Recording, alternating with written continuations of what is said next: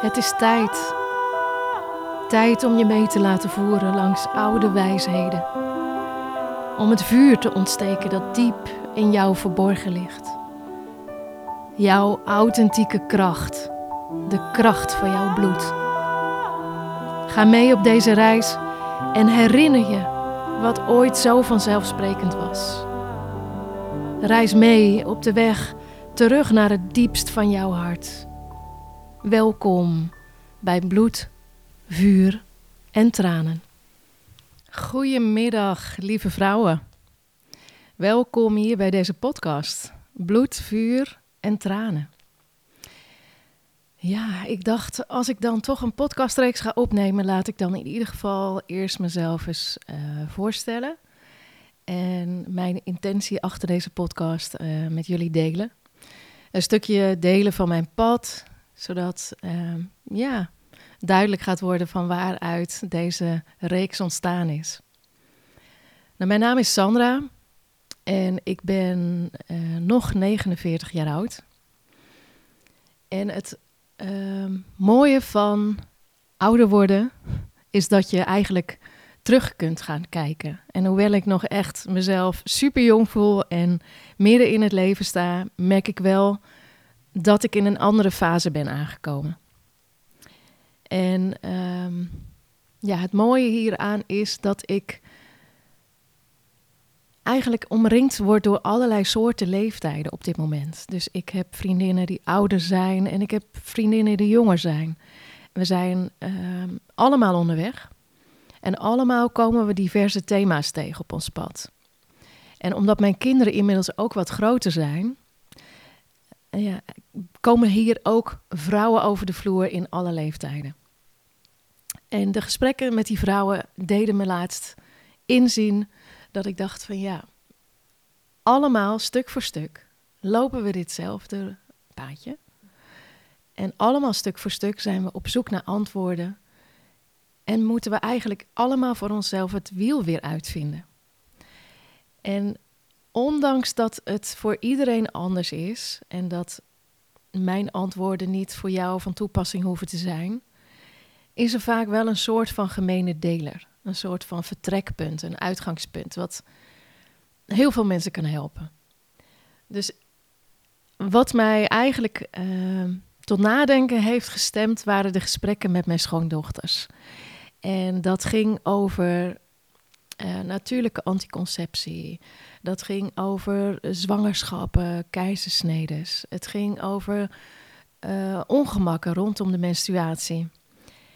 En het viel me gewoon zo op dat ze op zoek waren naar, naar antwoorden. En wij dan tijdens het koken of aan de keukentafel prachtige gesprekken daarover hadden. En ik me realiseerde van, hé, hey, maar dit doen we dus allemaal, ieder voor zich. En hoe mooi zou het zijn als er een plek zou zijn waarop je eigenlijk heel veel van dit soort antwoorden kunt vinden. En van daaruit verder kunt gaan zoeken, maar in ieder geval inzicht kunt opdoen. Dus dat was een van de eerste beginpuntjes voor uh, deze podcast. En um, ja, wat mij met name inspireert en waar ik ontzettend veel energie van krijg, is als ik omringd word door vrouwen die in hun kracht staan. Die hun vuur leven, die echt gewoon verantwoordelijkheid nemen voor hun lichaam, voor hun leven en daar ook hun keuzes op baseren. En wat me ook opviel onderweg is dat er heel veel vrouwen eigenlijk een soort van blijven hangen op een bepaalde laag en niet echt dat echte diepe vuur in zichzelf kunnen vinden. Nou, daar ga ik helemaal op aan. Dat vind ik helemaal fantastisch. Dus um, ja, dat is voor mij persoonlijk een, een, een, een vuurtje geweest om het ook echt te gaan doen. Omdat ik gewoon weet, weet je, hoeveel vuur er in ons vrouwen zit en hoe graag dat geleefd wil worden. En als we dat eenmaal weer wakker maken, ja, kunnen we bergen verzetten met z'n allen. Dus um, ja, dat is eigenlijk, dat zijn een beetje zo de pinpoints links en rechts die voor mij uh, tot deze podcast hebben geleid. En ook tot deze plek eh, waar ik de podcastreeks ga opnemen. Dat is in de Sisterhood. Ja, die is ook ontstaan vanuit het verlangen om met vrouwen, met sisters samen te zijn. En met elkaar dit soort wijsheden uit te wisselen. Dus ik ontmoet heel veel vrouwen, heel veel mensen, maar met name vrouwen. En vaak valt me op dat sommigen gewoon van die hele diepe wijsheid belichamen. En echt het ook echt leven. En die vrouwen wil ik heel graag uitnodigen voor een mooi gesprek. Zodat zij hun, hun goud eigenlijk met jou kunnen delen. En jij daardoor weer, ja, hopelijk geïnspireerd raakt. Uh, mijn pad is echt heel divers geweest de afgelopen 49 jaar. Dat kan ik wel zeggen. echt wel van het ene uiterste in de andere uiterste. En mijn uh, motto was eigenlijk altijd: ja, mijn leven is nooit saai. Zo noemde ik het maar. Dat was mijn overlevingsstrategie om alle wendingen en alle gebeurtenissen een plekje te kunnen geven en te kunnen verwerken. Toen ik uh, ehm, 23 was, ontmoette ik uh, een man waar ik echt dolverliefd op werd en zielsveel van hield. En hij had op dat moment al twee kinderen. Zelf um, ja, was mijn vader al een tijd daarvoor overleden. En voor mij is, was het gezin zo belangrijk. Dus toen ik met hem samen een gezin vormde, was dat ook echt een pijler voor mij van no matter what, we gaan dit doen. En we gaan ook met alle liefde en alle, alles wat we hebben en zijn, gaan we dit pad bewandelen. En dat was een avontuur, dat kan ik wel zeggen. Ehm, we hebben samen heel veel meegemaakt, heel veel uh, afslagen genomen. Ja, soms ook wel afslagen gemist. En samen zijn we maar gewoon gaan wandelen. Hij was toen 34, ik 23, hartstikke jong. Noem het naïef, I don't know. Ehm, maar met alle goede intenties. En ik heb daar mijn hele ziel en zaligheid aangegeven om het tot een succes te maken. Wat overigens niet altijd meeviel. Want vanuit de setting waar ik kwam, uh, ja, ik had gewoon alle vrijheid. Ik kon gaan en staan waar ik wilde, reizen, luxe hotels, alles wat ik wilde kon naar een gezinssetting met twee kinderen, drie en zeven. Dat was echt een volledige omschakeling in alles. In levensstijl, maar ook in mindset. In... Eigenlijk was er niets anders te doen dan me overgeven aan wat er was. En de dynamiek van een gezin met uh, bonuskinderen, laat ik het zo noemen, is een andere dan in een gezin met uh, alleen je eigen kinderen. En hoe goed je het ook bedoelt met elkaar, er zullen altijd momenten zijn dat je elkaar gewoon niet begrijpt, omdat je niet uit datzelfde nest komt en dus ander, ook nog een component van iemand anders uh, ja, die kinderen dragen natuurlijk ook gewoon een component nog van iemand anders in zich. Die je zelf eigenlijk helemaal niet kent. Dus je komt ook dingen tegen die lastig zijn, die uh, confronterend zijn, die soms verdrietig zijn. En dat was echt een, een, een, een leerschool, laat ik het zo zeggen. En daar hebben we allemaal heel hard gewerkt om dat zo liefdevol mogelijk uh, ja, te doen. En altijd had ik vanaf jongs af aan het idee dat ik een carrière zou gaan ehm, hebben en dat ik uh, als ik 40 was pas kinderen zou krijgen.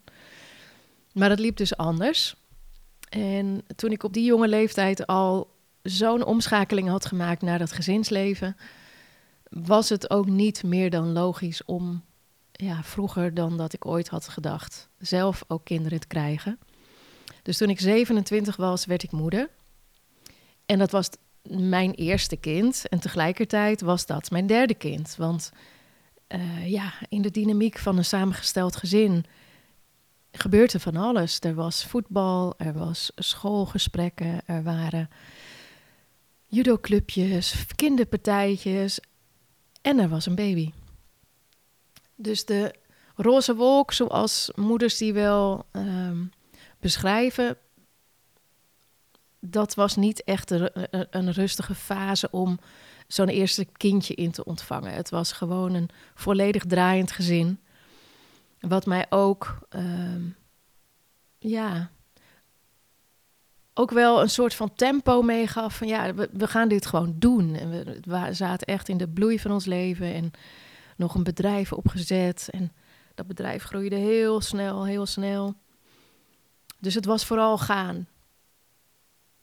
En vier jaar later kwam mijn tweede zoon, onze vierde zoon. En hebben wij een, hadden we dus een gezin met een baby en een kindje van vier. En ehm, iemand, de, de, derde zou geweest zijn, ik denk zeven en twaalf, als ik het zo een beetje zie. Ja, zoiets. Zoiets die leeftijden. Dus dat ging van brugklas tot aan de baby's.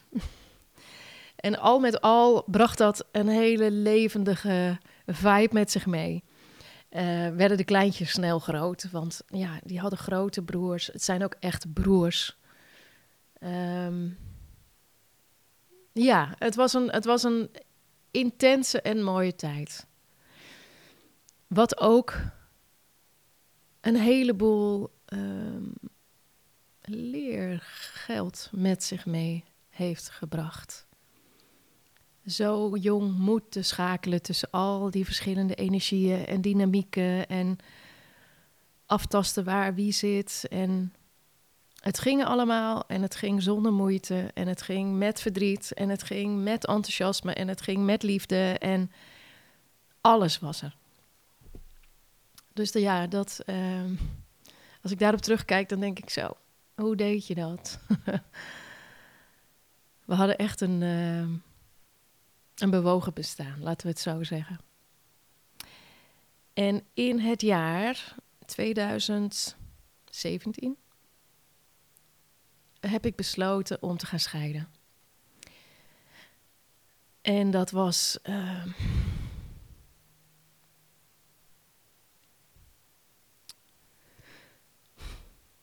dat raakt me nog.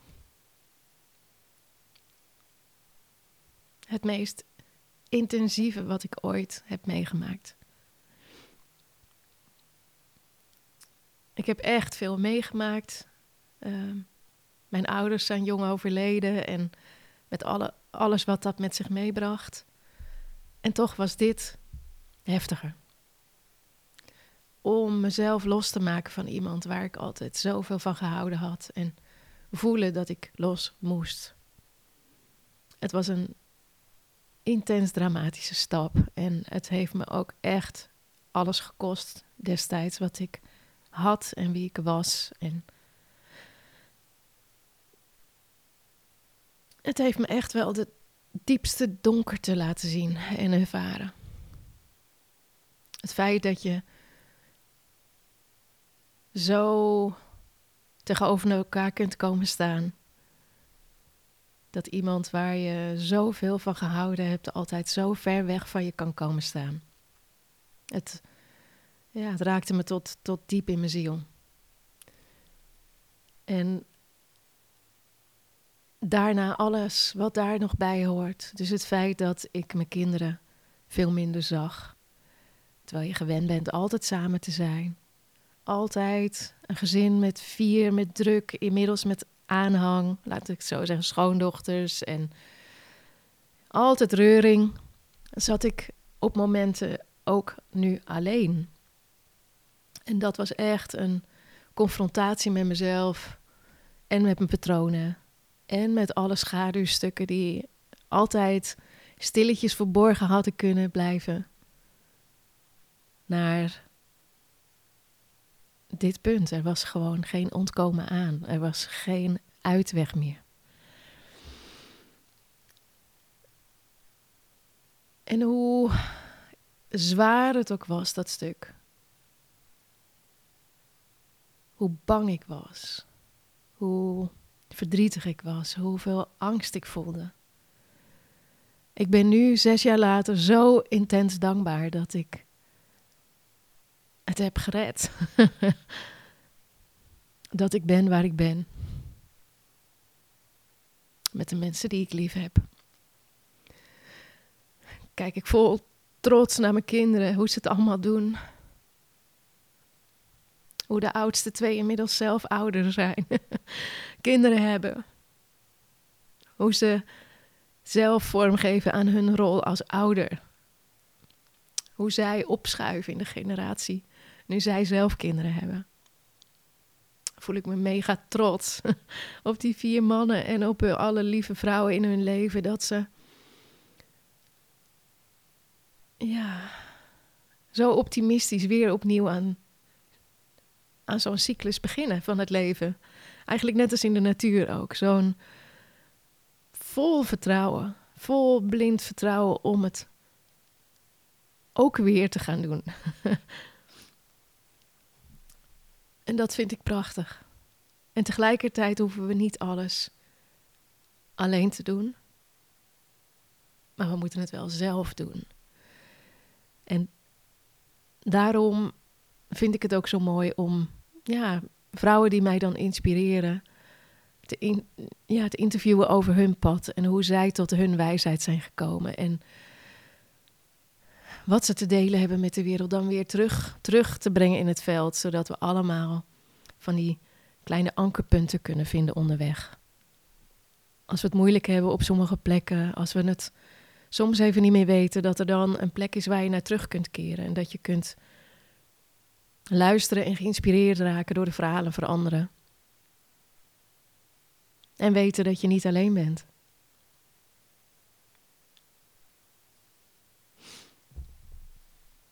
Ja, het raakt me nog. En nu ik hier dan zo zit, het is prachtig, een prachtige voorjaarsdag. En het is voor het eerst in al die jaren, in zes jaar, dat ik de diepte voel, de uh, ja, de, de gelaagdheid van het hele proces. Het, het geschenk ook dat erin zat.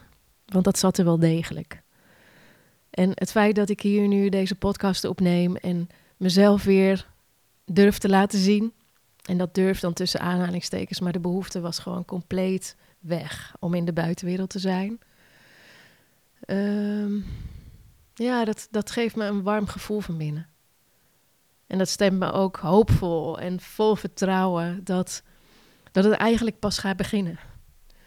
Dat dat hele pad, die hele weg, die hele reis hier naartoe echt zo bedoeld was zoals het is ontvouwen. En dat alles wat er moest gebeuren, mij, maar ook jou, hebben gevormd tot wie we zijn. En dat we daarmee in de wereld komen brengen wat we hier te doen hebben. Want dat ja, dat is wel echt iets wat ik mijn hele leven al voel. We zijn hier echt met een reden. En om daar te komen, om die switch te maken, is ons vuur nodig. En ons vuur is iets wat bij heel veel vrouwen slapend is geraakt. Bedolven onder heel veel trauma of onder heel veel gevoelens van niet goed genoeg zijn. Onder laagjes van zelfafwijzing en disrespect eigenlijk naar onszelf en naar ons lichaam. En ik voel het als zo'n grote uitnodiging aan iedereen die luistert om deze tendens te doorbreken.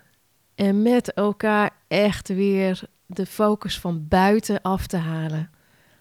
Altijd maar die sensoren aan naar buiten. Altijd maar al die aandacht naar buiten laten glijden. Terwijl als we eenmaal weer beginnen te voelen wie we zijn, diep van binnen. En dan kan dat echt wel ongemakkelijk zijn als we gaan vertragen. En we nemen de tijd om te luisteren naar ons lichaam en te voelen dat we soms ook gewoon doodmoe zijn. Of dat we echt gewoon een dag geen zin hebben. En daar weer naar te durven luisteren. Dat ons systeem ons echt de weg wijst om op te laden, om signalen af te kunnen geven, om ons op koers te houden. Zodat we onze intuïtie weer kunnen horen en voelen. Ja, dan is het zo belangrijk dat we die beweging gaan omarmen en eigenlijk heel actief, en dat klinkt tegenstrijdig, maar opzoeken. De vertraging opzoeken, actief opzoeken. En op dit moment, terwijl ik inspreek, ben ik op een digitale detox.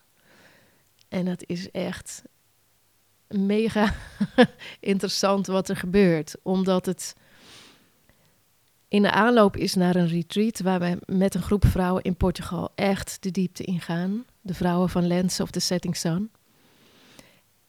En daar in die aanloop onszelf alvast ontprikkelen. Dus door middel van geen koffie, geen prikkelende voedingswaren, geen cafeïne thee, geen alcohol, geen vlees, geen boeken, geen tv, geen internet.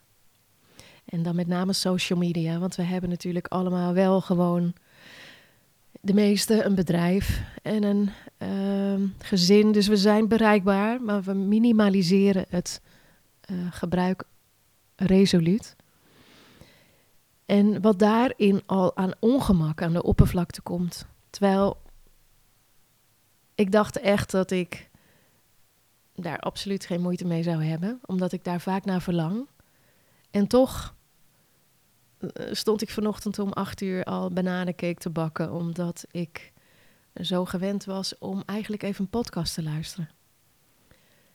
En ja, het is nu echt die uitnodiging om in stilte te zijn en in afstemming met mijzelf. En waar ik op dat moment dus zin in had, was om een bananencake te bakken.